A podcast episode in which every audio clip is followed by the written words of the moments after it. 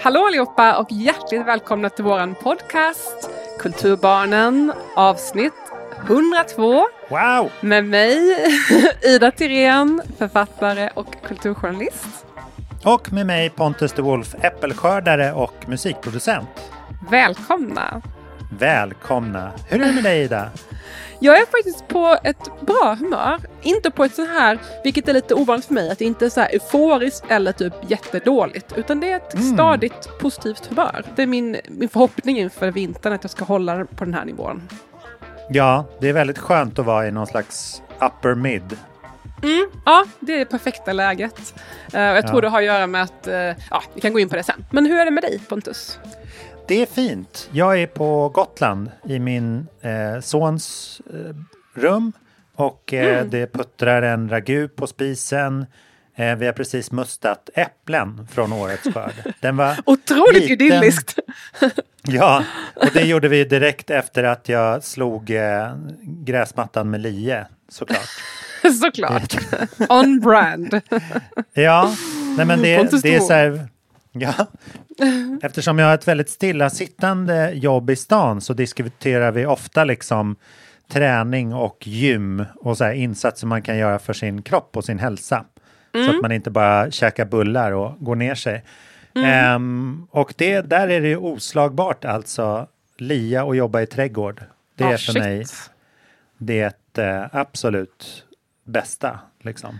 Ja, men jag minns att jag läste någon gång när jag var yngre, av något sånt här, förr i tiden, att de hade något sånt här ställe där de skickade ut alla deprimerade ynglingar och överbelästa intellektuella ungdomar. Skickade ut mm. dem på någon sån här eh, solen och, och klippa gräs och då, Amelia antagligen och hålla på liksom. Och alla mådde ju ja. skitbra. Solbrända och glada och starka och alla blev inte deprimerade längre. Så att ja, det ligger väl något i det där. Det är som i filmen G från 85 eller vad det är. När han han, eh, hash, hashkillen, eh, han skickas ut i en segelbåt och får hjälpa oh. till en oh. sommar och sen mår han bra. Man behöver ju en uppgift här i livet. Jo, och det finns ju någonting med att känna sig behövd som är väldigt viktigt generellt. Ja.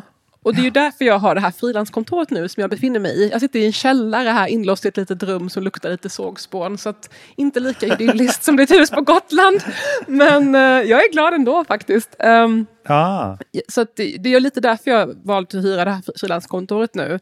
Efter många år av att jag envisas med att sitta hemma och ja. jobba. Eller på kaféer och så vidare. Men det är något fint med det här att um, komma till en plats. Nu sitter jag här och arbetar och jag klär på mig kläder och jag sätter mig på en ergonomisk stol. Och, liksom.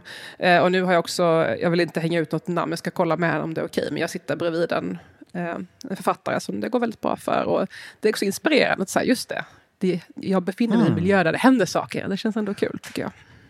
Man ska ju vara, befinna sig nära dem man vill bli mer lik. Liksom. Ja, men lite så att man känner att man, ja men det ligger något i det där, känna att man umgås med det här är nivån jag själv tycker att jag befinner mig på. Liksom. Alltså, jag tror att man lätt dras mm. med, framförallt blir tydligt neråt, att man gärna kanske befinner sig i sammanhang där man bara, är det här jag? Mm. I det här lagret där jag jobbar och trivs inte kanske, eller vad det kan vara man gör som, man kanske trivs jättebra med det, men om man hittar ett jobb ja. där man inte riktigt trivs och känner att är det här bara allt jag är liksom. Så att, ja, det är nog bra att befinna sig i en aspirerande miljö. Ja, men man ser ju på sig själv på ett annat sätt om man har ett jobb att gå till. Alltså ja. jag skulle ju kunna spela in eh, i teorin nästan all musik jag gör på jobbet hemma. Men då mm. skulle jag ju liksom, då blir man ju deprimerad för att man inte har den här eh, självkänslan. Eller då håller man ju på med sin hobby, typ. Mm. Om, man, om man håller på med det för länge så kan det kännas som det. Um, jo. Det är väl också det som drar alla, alltså under pandemin så, så lärde sig alla företag att de kunde tjäna jättemycket pengar på att jo folk jobbade hemma. Mm. Att de mm. inte behövde så här kontorsplatser och så. Men nu går det faktiskt en våg genom så här tech och dataspel och animation eh, och sådana liksom eh, killbranscher, vågar man kalla det det? Nej, det är det inte. Men men så här, saker som... Kill adjacent. Att, saker som gick att jobba hemma vid med under pandemin. Eh, de människorna har plötsligt kommit tillbaks och krävt sin arbetsplats. Liksom. Eh, och då är man tvungen att säga upp jätte, jätte, jättemånga för att man har liksom, det var väldigt billigt att anställa under pandemin. Ah. Eftersom man inte behövde tillgodose med liksom kontorsplats eller Mm. arbetsplats. Så nu, nu är det svårt i sådana branscher. Men det är också mycket annat som pågår i den branschen tänker jag. Det är ju lite hårda tider av andra skäl. Räntan som går upp och billiga lånen försvinner och startups investeringar och så vidare. Men det ligger ju något i det där att man behöver ett sammanhang. Låt oss bara säga det. Och jag tycker Ja. också det, t- tänk om man är typ konstnär. Om man har en ateljé, då är man konstnär på riktigt. Har man ingen ateljé, är man då konstnär? Alltså jag tror det, det finns nog Ja. en sån här bild av att man liksom har någon, någon slags vi, plats att vistas på. Så nu efter det här så kommer jag nog, visa av den här erfarenheten, nog försöka fortsätta ha ett frilanskontor. Det behöver inte vara så dyrt. Jag betalar liksom ett och sju. Då har jag en delad plats som jag inte har på heltid. Men det är eh, det är ju inte någonting nästan. Alltså det är ju bara en, är det bara ett skrivbord, det är ju inte ett eget rum. Men Ja. det räcker för mig och det är inte alltid folk här. Nu, just nu är jag här själv till exempel. Det är precis söndags eftermiddag. Folk har väl annat Ja. för sig. Fint väder. Men eh, det var bara jag och nyss nämnda författare som var här tills alldeles nu. Hon gick precis hem. Men eh, Mm. jag tror att det, mitt tips till andra kulturutövare är faktiskt att göra det här, måste jag säga. Ja, och som, liksom sann, som sanna konstnärer så jobbar man i ateljén då hela dagen, sen kommer man hem och jobbar lite mer. Så det, det har ju även en... Ni behöver inte sakna livet då ni målade hemma, eller skrev i ditt fall. Nej, precis. så. Jag brukar alltid printa ut liksom någonting, eller inte alltid, men ibland printar jag ut något jag har skrivit på och så kan jag titta på det med nya ögon när jag kommer hem till exempel. Ja, det är superspännande. Det var en, en solskenshistoria när vi kom ner den här gången. För att vi... Eh, Gotland har ju liksom problem med vatten. Nästan alla, inklusive vi, har egen brunn som är borrad och sådär.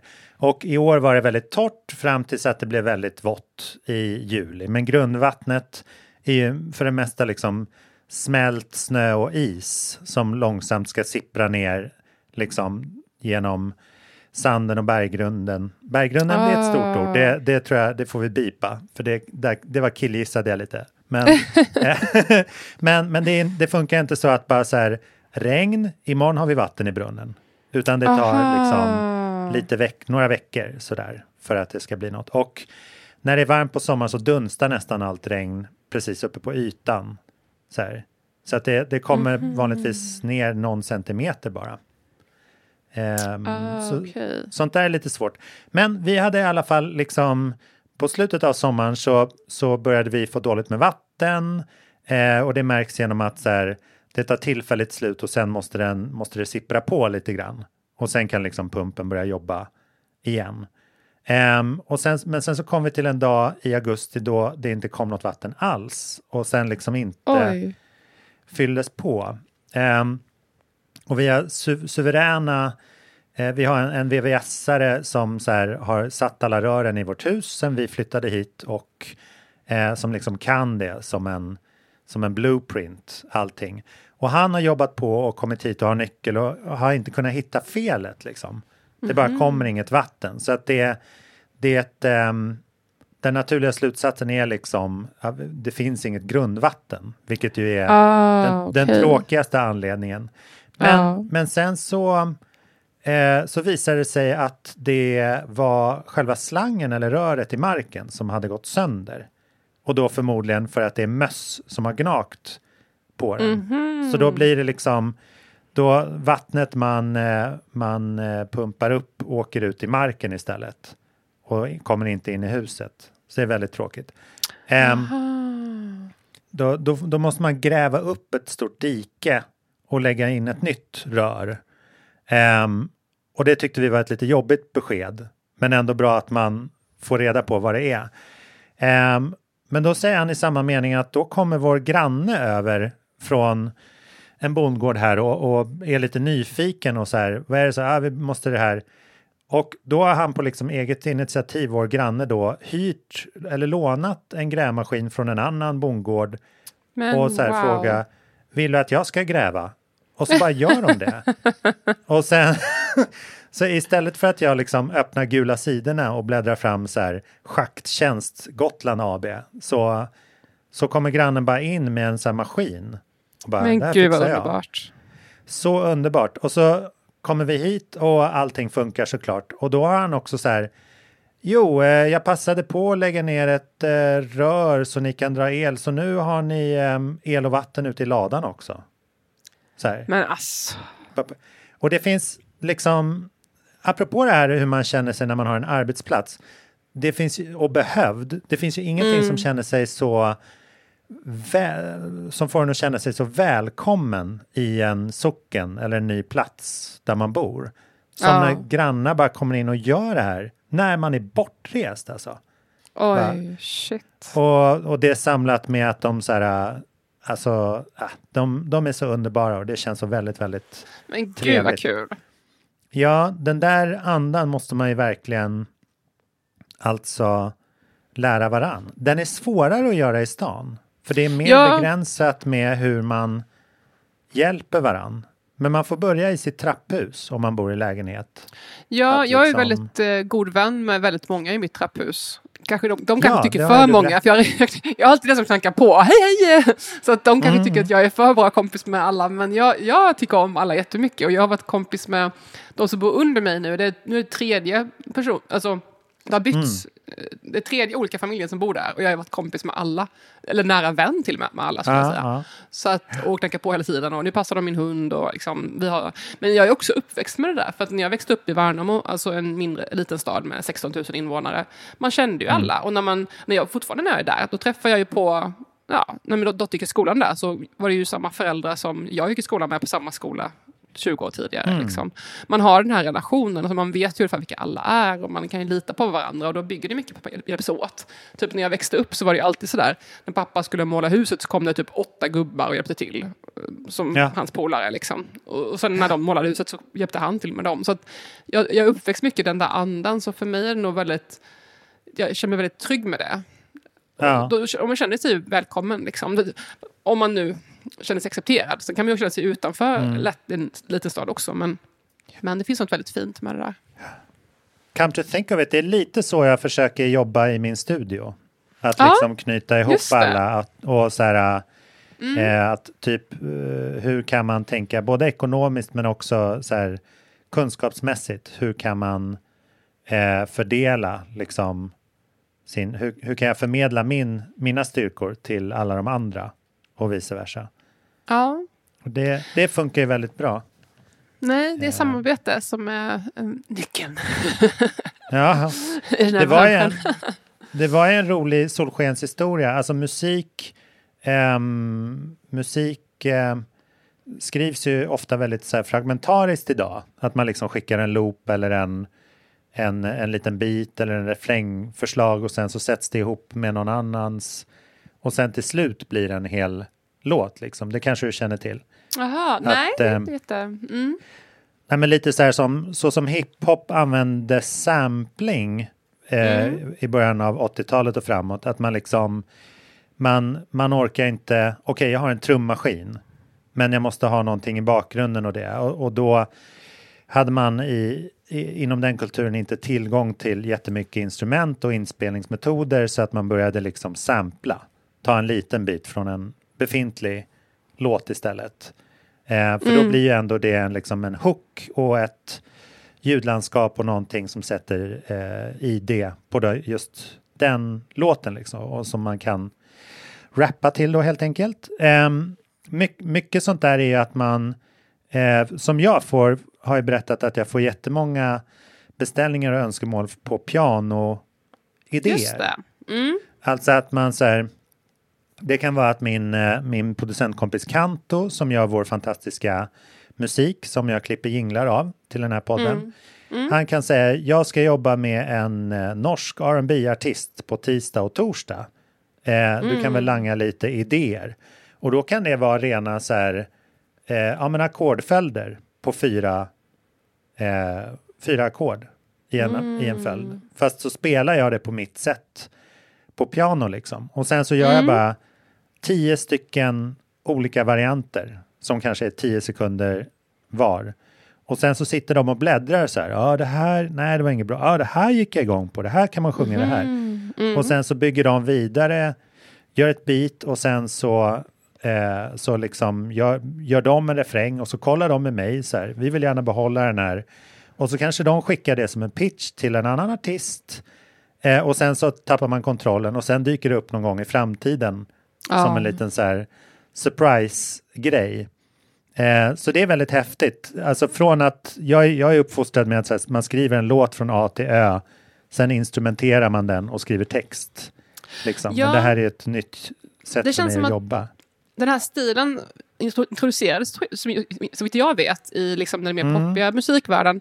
Det minns jag med Postal Service, det bandet som släppte skivan Give Up. Den kom 2003. Det var en väldigt sån här megahit-skiva när den Ja, kom. ja, ja. Det, blev, det var väldigt revolutionerande. Och jag, det, det kom liksom från två band. Det, kom från, det var sing- sångaren i Death Cab for Cutie som var ett ganska känt så här, alternativt indieband. Eh, ben Gibbard heter han. Och han började göra musik ihop med en kille som heter Jimmy Tamborello som också känns som Dental. Och Figurine var hans liksom, elektroniska akter som han höll på med. Och det var fortfarande ganska nytt då att hålla på med elektronisk musik om man gillade indie. Alltså det var ganska uppdelat så här, gillar du indie är, du poppare liksom. Så finns det elektronisk musik och det är något konstigt. Det var inte som idag när allting flyter ihop och alla håller på med hiphop och alla håller på med. Ehm, och eh, det är intressant tycker jag att och även det var massa andra band som var indragna i det där. Rilo Kiley, ett band. Och, och det var massa olika indieband som blev indragna där. Men idén då, eller bandet, bandnamnet kom ju från att de skickade musik mellan varandra. Att då Tamborello skickade ele- elektronisk musik till eh, till Ben Gibbard som skrev eh, liksom, texter och låtar. Han skickade liksom CDR, alltså en CD, CD-skiva som han hade bränt ihop med någon slinga. Liksom. Och så lyssnade Ben Gibbard på det och bara, ah, men jag har en idé, vad sägs om att ehm, Such great heights. Och han bara, ah, men det här låter bra. Skicka tillbaka, spela in, skicka tillbaka, fram och tillbaka. Och så genom posten då. För de bodde för långt ifrån varandra. Och då, eller postal service. Och det var ju innan man kunde skicka filer på datorn. Så det blev lite mycket Ja. komplicerat. Men då tänker jag, det var en tidig version av det vi ser idag, tänker jag. Och mm, ja, de, den blev ju väldigt Aha. så, första så här elektro-indie-mötet på riktigt, som blev Mm. riktigt stort. Gud vad häftigt. Det var bra. Jag visste inte att, de, att det var härkomsten av deras namn. Nej, men jag har mycket, ja, jag tänkt mycket på det sista tiden, det, det bandet, liksom, hur den, den Ja. inflytandet. För att jag tänkte också på The Knife, för de var också väldigt tidiga. Jag, jag var bara gymnasiet när de blev stora, så det är ju 20 år sedan nu. Ehm, Mm. och de var ju också extremt tidiga i Sverige med att blanda elektronisk musik och pop på det sättet. Verkligen. Och det var ju egentligen de först, kanske först med det egentligen. Det var ju så revolutionerande. Mm. Alltså hur man, man hörde de här tonerna, så här, att det var ändå Mm. hennes alltså, typiska stil. Hon sjöng ju tidigare, Karin Dreje som sjöng i The, The Knife, sjöng ju tidigare i Ja. um, Honey is cool, indiebandet. Och då hade, jag hört det. Jag Med Håkan deras- Hellström också. Ja, ju exakt. Han spelade ju trummor, just det. Um, Sen bytte han till Broder Daniel för han... och, och sen blev han Håkan Hellström. Um, ja, nej, men jag tycker det är intressant med den här övergången från den här rena popmusiken till det vi ser idag. Man ser ju väldigt tydlig evolution där. Och nu är allting i ett. Liksom. Det finns ingen uppdelning längre mellan något indie, hiphop. Nej. Nej, det är bara vad som ger feeling liksom. Så här, vad känner jag för idag? Och alla, alla liksom producenter som jag sitter med uppe på Skeppsholmen är också extremt liksom breda, flexibla. Att så här, ah, okej, nu har vi, nu har jag gått igenom den där genren ett tag. Nu måste jag tillbaka till min disco, typ. Ja. Eller att det är sådär. Nej, men lite som i konstvärlden, vi har pratat om att allting flyter ihop lite grann. Vi har pratat mycket om i den här podden med olika konstformer, att det är samma sak i musiken också. Ja. Det var roligt för att nu i veckan, eh, veckan som gick då, eller precis efter vår livepodd, en av våra yngre producenter heter eh, Mac Fellender Sai och är väldigt så här bred och gör lite, han, han gör lite hiphop och så gör han lite house och så gör han ibland K-pop och så går det ibland väldigt bra. Och så här, och han började bete sig, han hade liksom, och han har också gjort så här, bara massa, massa pianoloopar och bakgrunder och så här, hållit på ända sedan liksom barnsben och gymnasiet och skolan och så här. Och han började bete sig väldigt konstigt i onsdags. Började gå, i, och gå iväg och ta telefonen ofta och så. Och verkar lite nervös, svårt att få kontakt med och så. Eh, och så gick onsdagen och så gick torsdagen och sen på fredagen så kunde han avslöja att han var med på nya Drake-plattan. Nej, sjukt! Jo, men då hade han gjort en så här, eh, en, en liten piano eller orgelslinga för fyra år sedan. Amen. Som så här, han hade jobbat ihop tillsammans med en kompis och sen hade den bara hamnat i skymundan. Kompisen hade lärt känna någon som kände Drake, föreslagit någonting annat, men sen så blev inte det något och så skickade de den här och då fick han reda då på onsdagen så här, jo, på, på fredag kommer Drakes nya platta, du är med med en låt. Ehm, och det är en låt som heter Rich Baby Daddy ehm, Okej. som gästas av eh, Sexy Red Goals. och SZA. Så, Ja. verkligen. Ehm, och det, det är bara som ett testament så är liksom SZA, la- det är väl som man uttalar det tror jag, den här sång, soul-sångerskan. Allt går Alltså så. SCA. Ah, jag trodde det var Ja, ja. SZA. Okej, Ah, välkomna till kulturmorföräldrarna. eh, kulturboomers får nästa podd. Ja, ni vet vem Ah, jag pratar om. Hon la alltså sin sång på torsdagen. Så att han får mer Oj. eller mindre veta så här. Ja, det är onsdag idag. På fredag kommer Drakes platta. Du kommer vara med, men hon har inte sjungit än. Utan det, Alltså. så att det är så här. Framförhållningen det är är på såna topp. jäkla... Ah, shit. Ja, så det är, en- det är en väldigt low key. Det är liksom svenska musikundret 3.0. För att Ja. det, eh, det är liksom ingen som hinner med att fatta det här riktigt. För att jag läste, ehm, och det är stor, stor shout-out då till Mac. Det känns underbart för allihopa Ja, grattis. i studion. verkligen. Eh, men det är också ett tecken på att så här, eh, DN recenserar skivan, är lite ljummen, men lyfter upp just det här spåret då. Att det är så här, Jaha, på, på den är han lekfull och kul och där så här, där gästar de här och det, det är jättebra. Det låter som en traditionell, det är en hit liksom. Eh, Mm. men, men de nämner inte att det är en svensk låtskrivare bakom liksom. För att de vet inte det. Nej, För att det har liksom inte, det är inte det här basunerandet att så här, och med oss här har vi Max Martin som har upptäckt det amerikanska bandet Backstreet Boys. Nu har ni en USA-etta. Eller liksom, det kommuniceras inte på samma sätt. Att liksom, shit alltså. wow, hur kändes det? Har du träffat Drake? Eller liksom, det finns ingen, det finns ingen Mm. Nej, jag mejlade någon som kanske kände honom en gång. Ja, och det, min gissning är bara att sådana som Drake liksom gillar att jobba på det här sättet. Ja. Annars skulle det liksom inte ske på det viset. Att man Ja, liksom... Mm, nej, det påminner lite om min kompis Henrik Nordström. Shoutout till honom, han lyssnar på podden. Eh, han driver också ett företag som heter Kaffebrus. Har han också gjort en Drake-låt? Nej, inte Drake, men han, jag tror jag berättade i podden, fast det var jättelänge sedan i så fall. Som han gjorde, vi har haft band ihop eh, när vi var yngre Mm. och vi är väldigt goda vänner och bott ihop och sådär.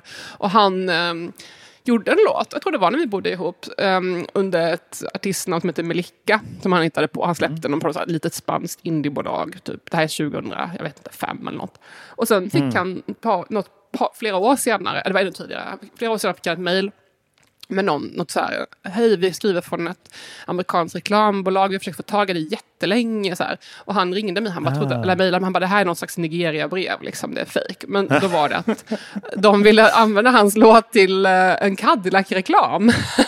Åh. Och så här, låten finns på någon så obskyr samlingsskiva på något indiebolag i Spanien. Liksom. Ingen som Ah. har hört det här. Det var ju innan internet typ. Alltså, det fanns ju internet men det var inte innan Spotify. Liksom. Alltså, musik var ju svårt att ta sig fram. Det var innan Soundcloud. Liksom. Ehm, och han bara, ja det kan ni väl så här. Han tänkte så här, du kan, hur mycket vill du ha? Ja, 20 000 liksom. De bara, absolut, 20 000 dollar. så han, jag kommer inte ihåg nu hur mycket det var, men det var liksom flera hundratusen. Uh, jag kommer inte ihåg exakt, men det var mycket pengar ändå han fick då. Det här är ju 20 år sedan. Ehm, och det var ju också bara så här random. Alltså, man vet aldrig vad saker tar vägen. Och det tycker jag är en så här bra liten påminnelse. Att det här är också ytterligare ett exempel som du beskriver. Så man vet inte, man fortsätter göra sin grej så kan saker bara ta vägen någonstans. Får man, Ja, får man, och får man hoppas att man får cred för också så att någon snor på vägen. Men det är ju en annan...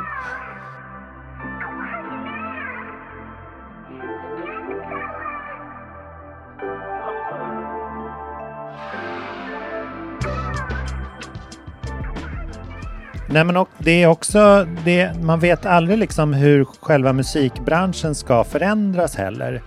För, att, för, för ett par år sedan så, var, så släppte ju Pharrell Williams och Robin Thicke den här låten Blurred Lines. Ooh. Som, som förutom, alltså han, det var ju tiden när han uppträdde, det var, det var mycket rumpor i bild och sånt där. Pre-metoo. Jag vill bara säga, Precis. Jag ska bara säga en sak, en parentes. En av Ja. tjejerna i den här videon som dansar runt halvnakna eh, hyrde Mm. min lägenhet i andra hand i Los Angeles under ett halvår. Ah, ja. Claim to fame. Ja, precis. Men, eh, nej men det var runt det året som han uppträdde med Miley Cyrus när hon skulle så här blomma ut och inte vara tonåring längre. Wrecking Ball era. Ex, exakt, men den blev ju stämd utav, jag tror det var Marvin Gaye Estate. Aha. Alltså för att den liknar Mm. en av... Eh, men då, att det, då var det liksom inte kompositionen som var densamma utan det var liksom själva soundet och stämningen i den. Och det var första gången som så här, en produktion liksom... För då, då förlorade de i rätten och det blev ett stort rabalder för att det, så här, det, det skulle kväva det kväver framtida kreativitet, att man liksom Ja. inte får låta som ett annat band. Alltså det blir, det blir någonting, samtidigt som man så här, ja, alltså och, och Marvin Gaye lät ju som tusen andra grejer. Så att det var inte den, det var inte artisten i sig som var liksom eh, the, the bad guy här, utan det var ju liksom yngre släktingar som ville tjäna pengar på det. Det. Men det, det har sänt en, en chockvåg genom musikbranschen som har hållit på i flera år där man är otroligt rädd för att bli stämd. Ah, mm. Ehm, och det, det är apropå det här att man inte vet vad som kan dyka upp och eh, hur musikbranschen förändrar sig. Eh, för att nu, nu i somras, eller var det förra året som Top, Top Gun Maverick släpptes? Ja, 2022 var det. Ehm, då får plötsligt så här, svenska Peter Björn och John ett samtal från eh, bandet One Republics eh, jurister, eller på Universal Music eller så här, som vill erbjuda dem ehm, eh, en, en viss procent av deras nya låt I ain't worried för att den är titelspår på den här Top Gun Maverick och eh, har ett, ett visst trumkomp och en viss eh, visslingssound som ligger väldigt nära Ah, du, young folks. Precis, men Ah, alltså inte, okej. inte melodiöst. Ni får lyssna på ain't worried. Den har 1,2 miljarder spelningar på. Det är bra för Spotify. Peter Björn och John. Det är jättebra för Peter Björn och John.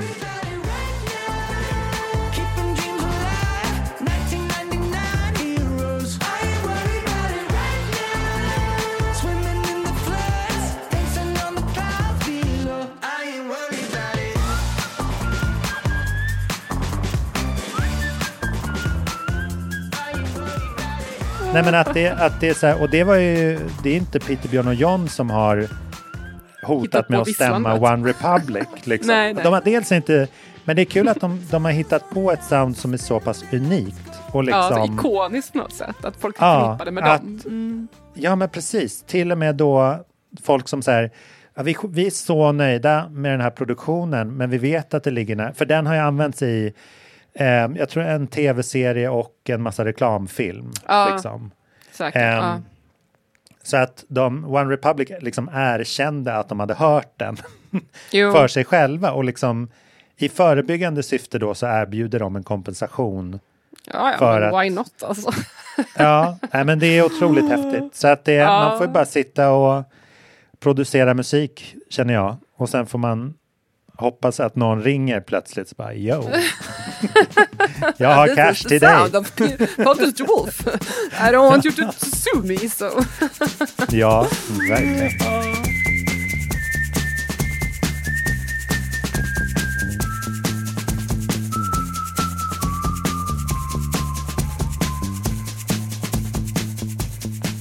Nej, alltså jag har tänkt på en annan en grej. Jag har varit på bio, jag har haft lite filmhelg. Jag var Mm. på bio i fredags. Jag såg Past Lives, den här nya sydkoreanska filmen, slash amerikanska, som har varit lite hypad tydligen. Jag har faktiskt inte läst några recensioner. Jag gick mest på den för att det var, jag, jag har köpt såna här filmpass på SF. Ja, Då får man halva priset Jag har ett på... sånt också. Ja, halva priset på en film i månaden typ. Och det här var månadens film. Så jag tänkte, ah, ja, det, var väl, det ser väl intressant ut, vi kan gå på den. Så jag, jag och Gabriel, min kille, har köpt båda två ett varsitt. Och ehm, den var ju hur bra som helst. Och jag är ganska glad att jag inte hade läst recensionerna, för tydligen hade jag fått jättebra recensioner. Så det var bra att jag inte Ja. hade för höga förhoppningar. Men det var, jag ska inte hypa upp för mycket eller förstöra för någon lyssnare, men jag säger bara, gå den. Jag tror inte man blir, jag tror inte man blir besviken. Alltså. Jag har svårt att se att man Ja. inte skulle tycka om den här filmen, för den är, den är bara objektivt bra. Typ. Ehm, Ja. Det är alltså en... en eh, Celine Song heter hon som har gjort filmen. En, jag, jag har inte läst på om henne, men jag kan misstänka att det kanske är lite självbiografiskt. Det känns inte otroligt. Ehm, och det var Nej. intressant för att den ut- utspelar sig på tre tidsplan. Först eh, Sydkorea för 24 år sedan och sen eh, New York eh, två tillfällen i New York, en för 12 och en för 24, 24 eller vänta, en nutid och en för 12 år sedan. Så det är 12 års eh, cykler liksom. Och man kan nästan misstänka då att hon är exakt lika gammal som mig. Eh, eh, antingen författaren då, eller i alla fall berättaren, liksom, eller huvudpersonen. För att det är liksom samma spann, jag kan liksom känna igen så när hon var 25, hon hade likadan dator som jag hade då, likadan, hon hade, använde Skype och liksom, man kunde känna igen så här små detaljer. Så att jag, jag var väldigt mycket i målgruppen på ett sätt, så det kan ju också påverka såklart. Men väldigt fin blandning av det här sydkoreanska, väldigt så här estetiskt, minimalistiska, väldigt eh, svepande, vackra vyer och små medel. Wow. Eh, mycket fin kombination av det och lite så här New York-känsla, Woody Allen nästan, lite, lite humor, liksom, lite, lite, lite sass och fart. Så det var en väldigt fin kombination tycker jag. Det utspelar sig då, det handlar om en, en kvinna som flyttar från Sydkorea till eh, Kanada som barn och sen flyttar hon till New York för att hon vill bli pjäsförfattare. Och så har hon kvar, kvar eh, kontakten med en, en tidig kärlek då i Sydkorea. Och så får man se vad som händer. Och det var väldigt fint, för det var så subtilt och eh, inte så uttalat vad som var rätt eller fel och hur, hur relationen skulle utspela sig. Man visste liksom aldrig, inte förrän, ja, inte, jag tycker kanske lite spoiler nu då, men man visste inte förrän mot slutet hur det skulle gå med de här relationerna. Och det var ganska Ja, ja, ja. fint och subtilt. Och det fick mig att tänka på dagen efter ville jag se film igen. Jag blev lite så sugen på att kolla på film efter den. För den var så bra. Ja. Alltså jag liksom, eh, och då lyckades jag få med mig min kille och kolla på film. Han är inte så jättemycket för det. Men eh, han, gick med på att kolla på Lost in translation. För han har inte sett den. Och, Men gick den på bio? nej, Nej, du såg inte, den hemma. Jag ville Ja. gå på bio men vi eh, fastnade hemma. Ja, jag fattar. Men. Mm. ehm, den, och han har inte sett Lost in translation. Och den kom ju 2003, så det är nästan exakt 20 år sedan. Och Mm. det är ju Scarlett Johanssons genombrottsfilm. Hon var egentligen bara typ 19 i den filmen. Och Mm. hon spelar typ hon måste spela i alla fall 24, för att hon säger att hon har gått Mm. och pluggat filosofi på Yale. Så jag menar, hon måste ju vara minst 23-24. Och hon har varit gift i två Ja. år, så hon kan ju inte vara 19 i alla fall. Ehm, men jag har inte sett den här filmen sedan jag var 20, ehm, när den kom. Ja. Och, eller knappt 20, 18 kanske jag var då. Men det var så intressant att se den nu igen, för att jag tror jag såg den flera gånger säkert. Jag hade säkert någon sån bränd CDR av den, eller laddat hem den på något mer eller mindre lagligt sätt. Och Sofia Coppola är det ju. Ja, Eller det är hur? Sofia Coppolas genombrottsfilm. Och sen Ja, har hon gjort många andra, eller äh, sen har hon gjort liksom Marie Antoinette och alla de här kända filmerna. Men det var Mm. intressant för att när jag såg den första gången, då var, den så, var jag så fokuserad på det här estetiska. Den har ju väldigt tydlig estetik. Det är mycket den här utsikten över Tokyo från det här lyxiga hotellet. Hon tittar ut över staden. Hon ligger där i sina trosor och röker i hotellrummet. Och, Mm. Alltså det är ju så perfekt estetik för en tonårstjej att aspirera till. Alltså hon sitter där och är Ja. lite bored, bored of life och liksom lite för smart. Hon har pluggat filosofi på Yale och nu vet hon inte vad hon ska göra. Och eh, blir god vän då, eller lite mer än god vän med den här kända skådisen som är Bill, spelas av Bill Murray som är typ i 50-årsåldern och har en medelålders kris kan man säga. Och de möts i sina respektive kriser kan man säga. Men nu när jag såg den som lite mer vuxen så var det väldigt tydligt att filmen handlar ju om livskris på olika sätt. Alltså dels den här då 25-årskrisen spelad av en 19-åring Ehm, och ehm, den här medelålderskrisen spelad av en 50-åring. Och att man kan se så här, lite den här livsledan och vad ska jag göra med livet? Blir det bättre, blir det bättre, sämre? Liksom, vad ska jag göra? Eh, det kan jag ju se och känna igen mig nu. Medan när jag såg den första gången kanske jag mer fastnade i det här estetiska, liksom det här aspirerande, liksom coola på något sätt. Och filmen var ju också otroligt omtalad för sitt soundtrack. I alla fall minns jag att jag lyssnade på det här soundtracket till, sen spelade sönder det. Det är ju jättemycket låtar där. Och det är ju också bandet Phoenix, det franska bandet, är med i en väldigt viktig scen. De dansar så här till en av deras Ja. låtar. Eh, och hon är också gift med sångaren i bandet, Sofia Coppola. Så det är ju lite sådär mm, koppling. Eh, men jag tycker det var intressant att se den nu igen, så här, återkomma till den. För att jag tyckte inte den var jättebra, ärligt talat. Ehm, men det var också intressant, för den var så mycket en sån här film som var där och då. Och den kändes Ja. väldigt... Lite, ja, men jag tänkte på, apropå The Knife, nu återkommer jag till min spaning. Alltså, jag lyssnade på The Knife också nu då, för att fräscha upp mitt minne lite. Och de är ju otroligt bra band. Alltså jag har ingenting ont att säga om dem överhuvudtaget. Bara wow, genier liksom. Men det är ju inte lika intressant för mig att lyssna på det nu. Alltså det har inte samma tyngd på något sätt. Som när det kom var det så otroligt revolutionerande. Jag känner oj, det är Ja, ingenting som låter så här. Det här är helt nytt. Jag går från bara pop och bara elektroniskt till den här hybriden av den här musiken. Och så kände jag också med Lost in translation när den kom. Um, ja, också Virgin Suicides var ju också hennes film som var också samma era där, eh, Sofia Coppola. Men de hade ju den här estetiken, det, var liksom, det fanns typ inga kvinnliga regissörer på den tiden. Inte, och absolut inte några coola kvinnliga regissörer på det sättet. Och hon hade ju såklart möjlighet att göra den här filmen för att hon var Francis Ford Coppola som gjorde Gudfadern. Hon var hans dotter liksom. Alltså det var ju inte som att hon var från gatan och gjorde den här feta filmen i, i Nej. Tokyo. Men sån, Men- sån liksom nepotism kan ju skita sig apropå kulturbarn. För hon, var ju, hon spelade ju en roll i Gudfadern 3. Just där det, hon blev mm, liksom så extremt sågad vid fotknölarna som att så här, Aha, det visste inte jag. det, det var liksom, hon beskylldes för att Gudfadern 3 är en sån liksom, praktkalkon eh, som Shit. avslutning på världens bästa filmserie. Så det är ändå starkt av henne att resa sig efter det ja. och bli, och bli, ha en fantastisk svit som regissör. En svit filmer. Ja. Nej men det var väldigt intressant och liksom eh, när den kom var det ju verkligen det här wow-känslan att det var första filmen som var så här riktigt coolt soundtrack med aktuell, liksom lite intressant indie-musik. Och sen var det den här coola estetiken som var ändå kommer från en, även om det handlar om en lite så här problematisk, så här, en ung tjej blir, blir, har en konstig relation, apropå den här past lives, också lite så här vad är det här för relation? Det är lite oklart. Ska de bli är de kära? Är de vänner? Är de faders dotters relation? Vad, vad är det för dynamik egentligen? Men det är någonting. De har någon känsla. De har en så här tidigare livkänsla, som, för att återknyta till den här andra filmen. Men att man har en så här koppling som är lite svår att förklara. Men det är ju lite problematiskt klart att det här är så här, en gubbe och en ung tjej. Det är ju lite sliten trop. Men på något sätt är det Ja. lite fint för det kommer ju från ett... Man kan ändå känna att det kommer från den kvinnliga blicken någonstans. Att hon försöker reclaima den här slitna du- dualitet, um, diaden, ja. om man ska säga. Och det tycker jag... Därför håller den ju ändå och känns inte för äcklig eller sliten. Men Mm. på något sätt så... Ja, alltså när den kom så var det ändå lite intressant, så här, den, den taken. Och jag tycker att den var så, kändes så fräsch och annorlunda när den kom. Eh, De här rosa trosorna som hon går runt i rummet. Liksom. Den här lite tjejestetiken på något sätt. Och som man sen ser i hennes senare filmer också, typ Maria Antoinette och Virgin Suicides och sådär. Men jag tycker bara det är intressant att den har inte alls samma kraft idag. Jag vet inte om Gen Z har upptäckt den ifall den blivit så här på TikTok. Men det Nej, känns, det den, spännande. den har inte riktigt den här punchen som den hade när den kom. Eh, Visst, jag är också äldre, så klart ser jag filmen Ja. annorlunda nu än när jag var 18. Det, det kan jag se, men jag har svårt... eh, Båda två de här grejerna tycker jag är intressanta för att de var så otroligt definierade för sin tid på något sätt och visade på Mm. en övergång från en estetik till en annan.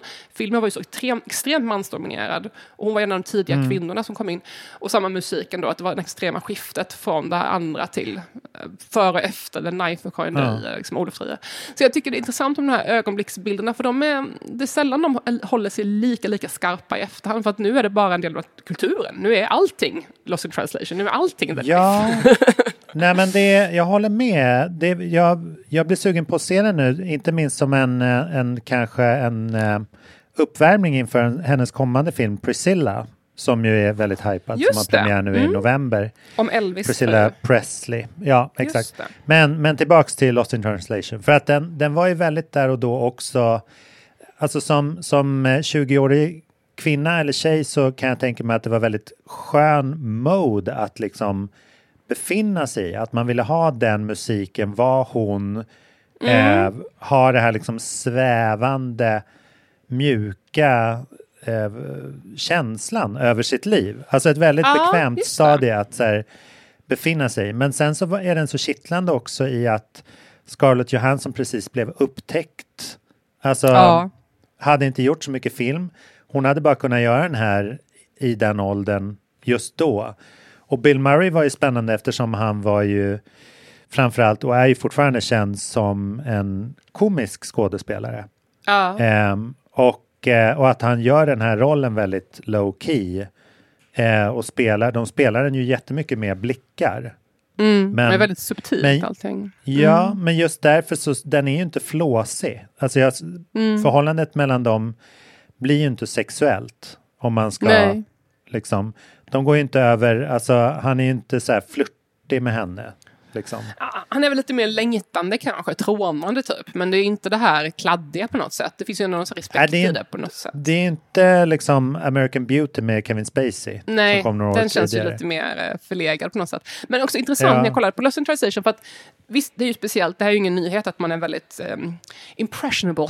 man är väldigt Ja, så här, ja. känslig för nya intryck och liksom mycket av ens estetik definieras ju när man är i sena tonåren. Och det finns väl också till och Mm. med vetenskapligt bevis vetenskapligt bevisat tror jag att man liksom kan inte riktigt svårt att ta till sig musik eller kulturupplevelser på samma sätt efter 25 som innan 25. Och det är också därför man ser att Mm. många människor typ slutar lyssna på musik efter 25. Alla bara, det var bättre förr. Man bara, nej, det var du som var ung. Ja. Alltså, det var inte Ja. bättre. Du var bättre förr. ja, fast du hade bättre lyssnande förr. Mm. Liksom. Du var mer intryckskänslig. Eh, Vissa av oss Ja. fortsätter ju att, vara nyfikna, men det är många som inte är det längre. Och Mm. Visst, det är ju svårt att få tillbaka den där känslan som man var så här 18 till 22 kanske och ta emot. Jag menar de författarna jag läste då som jag var besatt av, typ så här Jelinek, Margrethe Duras som jag läste jättemycket i gymnasiet, um, Gudrun- Gud- Gertrude Stein. Alltså det var mina stora inspirationer när jag var så där runt 20 och det har ju påverkat mitt skrivande jättemycket än idag. Jag tror man kan se det än idag, även om jag inte har läst dem på 20 år, för att jag läste dem så mycket då och det var då man liksom formade sig själv. Typ. Ja, men, men, men, gud. Det är väldigt tydligt tycker jag just med um, Lost in translation för att i och med att jag inte sett den på så länge så det var så många, alltså nästan varenda scen i den här jävla filmen mindes jag. Alltså, Nu är det ju lite speciell film för det är väldigt så här, starka scener, det är väldigt så här, korta, verkligen scener, typ nedslag, miljöer. Alltså, det är väldigt så här, tydliga. Och jag kunde nästan minnas varenda scen. Jag bara, ah just det, det är den här scenen med i arkaden. Ah, det är den här scenen på den här festen. Alltså, jag mindes allt i den här jävla filmen. Och jag vet inte hur många gånger jag har sett den, men eh, inte, så här, inte mer än tio. Alltså så, kanske tre, jag vet inte. Men jag mindes hela filmen och det var väl för att jag var så pass eh, intryckskänslig ålder liksom. Ja. Ehm, men det, någonstans måste det också betyda att jag har den här filmen undermedvetet i mig. att jag går runt med den här filmen i mig liksom. Och, Ja. och kanske påverkar min syn på saker och ting. Alltså på något sätt har det påverkat mig. Den ligger ju där som Ja. en, en trädring i mitt liv på något sätt. Men ungefär, alltså den kom ju, jag, jag var ju väldigt nervös eh, för några månader sedan när det, eh, när det utbasunerades att Lukas Moodysson skulle släppa Tillsammans 99. Just det. Mm. Alltså uppföljaren, för att den, den originalet kom ju år 2000. Ja, Och den har jag också sett många gånger. Så många gånger, jag älskar Ja. den. Nu har jag inte sett om den på länge, men det är lite det som du beskriver, att den har varit väldigt påverkande Ja. för mig, fast jag inte så ser honom så ofta längre. Men jag, har har den på VHS alltså. Ja, mm. Ja, gud ja. Eh, ja. Men nu, jag hade affischen nu- i mitt rum också. Ja, nej men till min, lite till min förvåning, eller varför skulle det vara det, men till min stora glädje så har ju den här nya, alltså uppföljaren fått väldigt fina recensioner. Så det, jag kommer nog våga ta mitt filmpass och gå och se den. Ja, men vi kanske ska se på den antingen tillsammans eller se på den och prata om den sen. Ja, det är väl jättebra. Jag, tycker, jag blev så charmad för att eh, han, eh, han berättade i DN, din tidning förresten, grattis! jag läste jag äger den nu. jättefina, ja. din jätte, jättefina intervju eller reportage där med, påminn mig, vad heter hon? Constance Debré. nu sa jag det lite extra franskt, men Constance Debré som jag intervjuade, Jag- franska författaren. Jag kommer tillbaka till franska snart, men det var, det var en geniintervju, jag gillade den. Åh, för att Tack. Framförallt så la jag märke till, jag blev jättenyfiken på henne. Sånt är ett, ett bra grundkrav för en intervju om en författare. Eh, men också tycker jag det var så fint balanserat hur du vävde in miljön som, som hon befann Ah. sig i under Ah, vad kul. intervjun. För det kan bli så, så himla pinsamt allt så här. Ulf Lundell sträcker sig fram och tar en från sin kaffe, blickar på mig snett. Så här, att, och så är det inget... För att, ja, nej, men det, det där började för ett par decennier sedan att man vill så här, porträttera, att man, att man vill, man vill liksom måla upp scenen för intervjun. Liksom. Sätta läsaren i samma rum, typ. Eh, men jag tyckte att det här hade ett så himla syfte med hennes personlighet att göra också. Ah, Ska inte avslöja fint. mer. Men eh, det, var, det var verkligen inte ett sökt eh, bild eh, språk tyckte jag. Ja, vad glad jag blir. Men i alla fall i din, i din tidning DN så, ehm, så läste jag, vad var det jag läste nu? Jo, i intervjun med Lukas Moodysson där så berättade han om att han fick en Minolta-kamera, alltså en, en stillbildssystemkamera av sin pappa. ehm, när, han var, när han var ung, han ärvde den. Och det objektivet från den kameran är det han filmade den gamla och den nya tillsammans filmerna med. Ehm, så att den, den har den här, den har liksom samma optik, alltså samma look, literally, som den gamla filmen. Ah, Eh, och det det har är han lite då nice. uppnått. Ja, det är supernice. Och det känns som sån dedikation att, eh, att så här, för det är otroligt mycket svårare att filma med ett fast stillbildsobjektiv. Den har liksom Mm. mycket kortare skärpedjup och det gör ju att man, om man gör bort sig så måste man slänga bort en tagning, även om de som spelat spelar jättebra. Så måste de liksom, ja det går inte att använda om det är ur fokus helt enkelt. Ah. Men, eh, men det ger en, det, det är så bra att minnas när folk så här, nej men jag använder mina prylar som jag ärvde typ. Och så tar det sig in i en stor produktion. Sånt är alltid Ah. väldigt, väldigt Det läckert där är lite, lite din stil. Du är ju känd för att du har köpt keyboards av eh, Josefin Nilsson till exempel. Jajamän, Känd från den har podden. jag. Ja. Ja. Från Inbusk Singers alltså. Och pianon från Hasse Alfredsson, oj oj oj. Just det! Men, eh, men det pratade vi om redan förra veckan. Jag kan inte dra det så ofta, den anekdoten. Men fortsätta Ehm. provenens. Fortsätta samla på lite provenens på dina Ja, instrument. men jag ska fortsätta med franskan också, lovade jag. Eh, för att ehm, nästa helg drar jag till the, the City of Bedbugs, alltså Paris. Åh min nej! Stress! Stressen. Men så huvudstad. Ja. jag, jag, har, ehm, jag har sett YouTube-klippen, jag har gått kursen, jag vet hur man inte tar med sig dem hem. Helt enkelt. Så att det, Ja, jag hade vägglöss för två år sedan och jag ska säga dig något av det värsta jag varit med om i mitt liv. Så jag, jag hoppas att ni lyckas undvika det här. Hoppas det är snö när ni Ja. kommer tillbaka så kan ni bara lägga grejerna i snön och så är det problem solved. Ja, men exakt. Vi går in i ett torkskåp, är där i tre timmar. Men, men eh, det Basta. oroväckande är att, är att de heter sängbugs på engelska och eh, vägglöss på... Är det som att de flyttar bort från sängen in i väggen? det låter mycket mer allvarligt att ha dem i väggen än i sängen. Ja, de rör sig längs väggarna men de trivs ju i sängen med blodet. Mm, jag kan berätta någon annan mums. gång om när jag hade vägglöss. för det är väl... Men vi kan ta det. Vi får se att du hoppas att du inte får vägglöss. Ja. Men jag ber att få återkomma med en, en trevligare rapport därifrån. Jag ska nämligen se, alltså vi åker dit på fredag på en liten honey trip, eh, om, det het, om det är ett ord. Eh, och Mm. Kul. onsdagen, alltså två cool. dagar, verkligen. Onsdag, alltså två dagar tidigare upptäckte vi att det är vernissage på en samlingsutställning av Mork Rothko. Nej, vad kul. Med en, en av mina, det kan vara en favoritkonstnär, jag vet inte. I alla fall en superikonisk kolorist från USA som bland annat har målat stora kapell och så här kända stora andliga verk. De- för de här de enorma, typ blåa tavlan, röda tavlan. Ja. Exakt, alltså de, eh, chefen i Mad Men köper en sån Just på det. 60-talet. Just det är väldigt hippt redan då. Men en sån där tavla kostar liksom ja, säkert flera hundra miljoner. Liksom. Ja. Och nu är det eh, Louis Vuitton Foundation som, eh, Ja, som ligger borta i den här västra Mm. skogen som, eh, som slänger otroligt mycket pengar på den här. Så det känns som en så här once in a lifetime eh, tillfälle att se den Det är här värt att offra lite vägglöss för det där. Ja, ja, ja. Vad är lite kli liksom för det? Kli bakom öronen på en råttko. Ja. Nej, men så med de orden. Ja, vi Med de orden kom... så rundar vi av eh, veckans avsnitt. Det gör vi. Tack alla som kom på livepodden och eh, vi hörs snart igen. Tack för att ni lyssnar och tack för att ni tipsar alla era vänner om vår podcast. Hej då! Vi hörs nästa vecka. Hej då!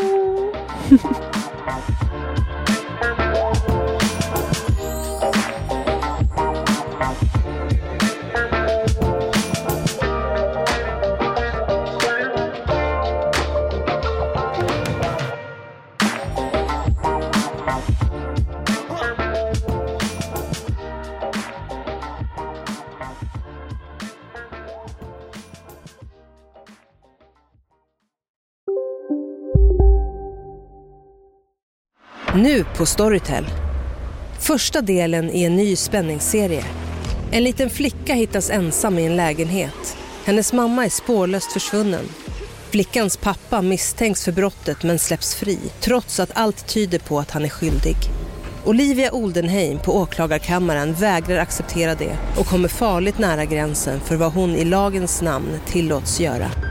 Lyssna på När allt är över av Charlotte Al-Khalili på Storytel. Välkommen till Maccafé på utvalda McDonalds restauranger med Baristakaffe till rimligt pris. Vad sägs om en latte eller cappuccino för bara 35 kronor? Alltid gjorda av våra utbildade baristor.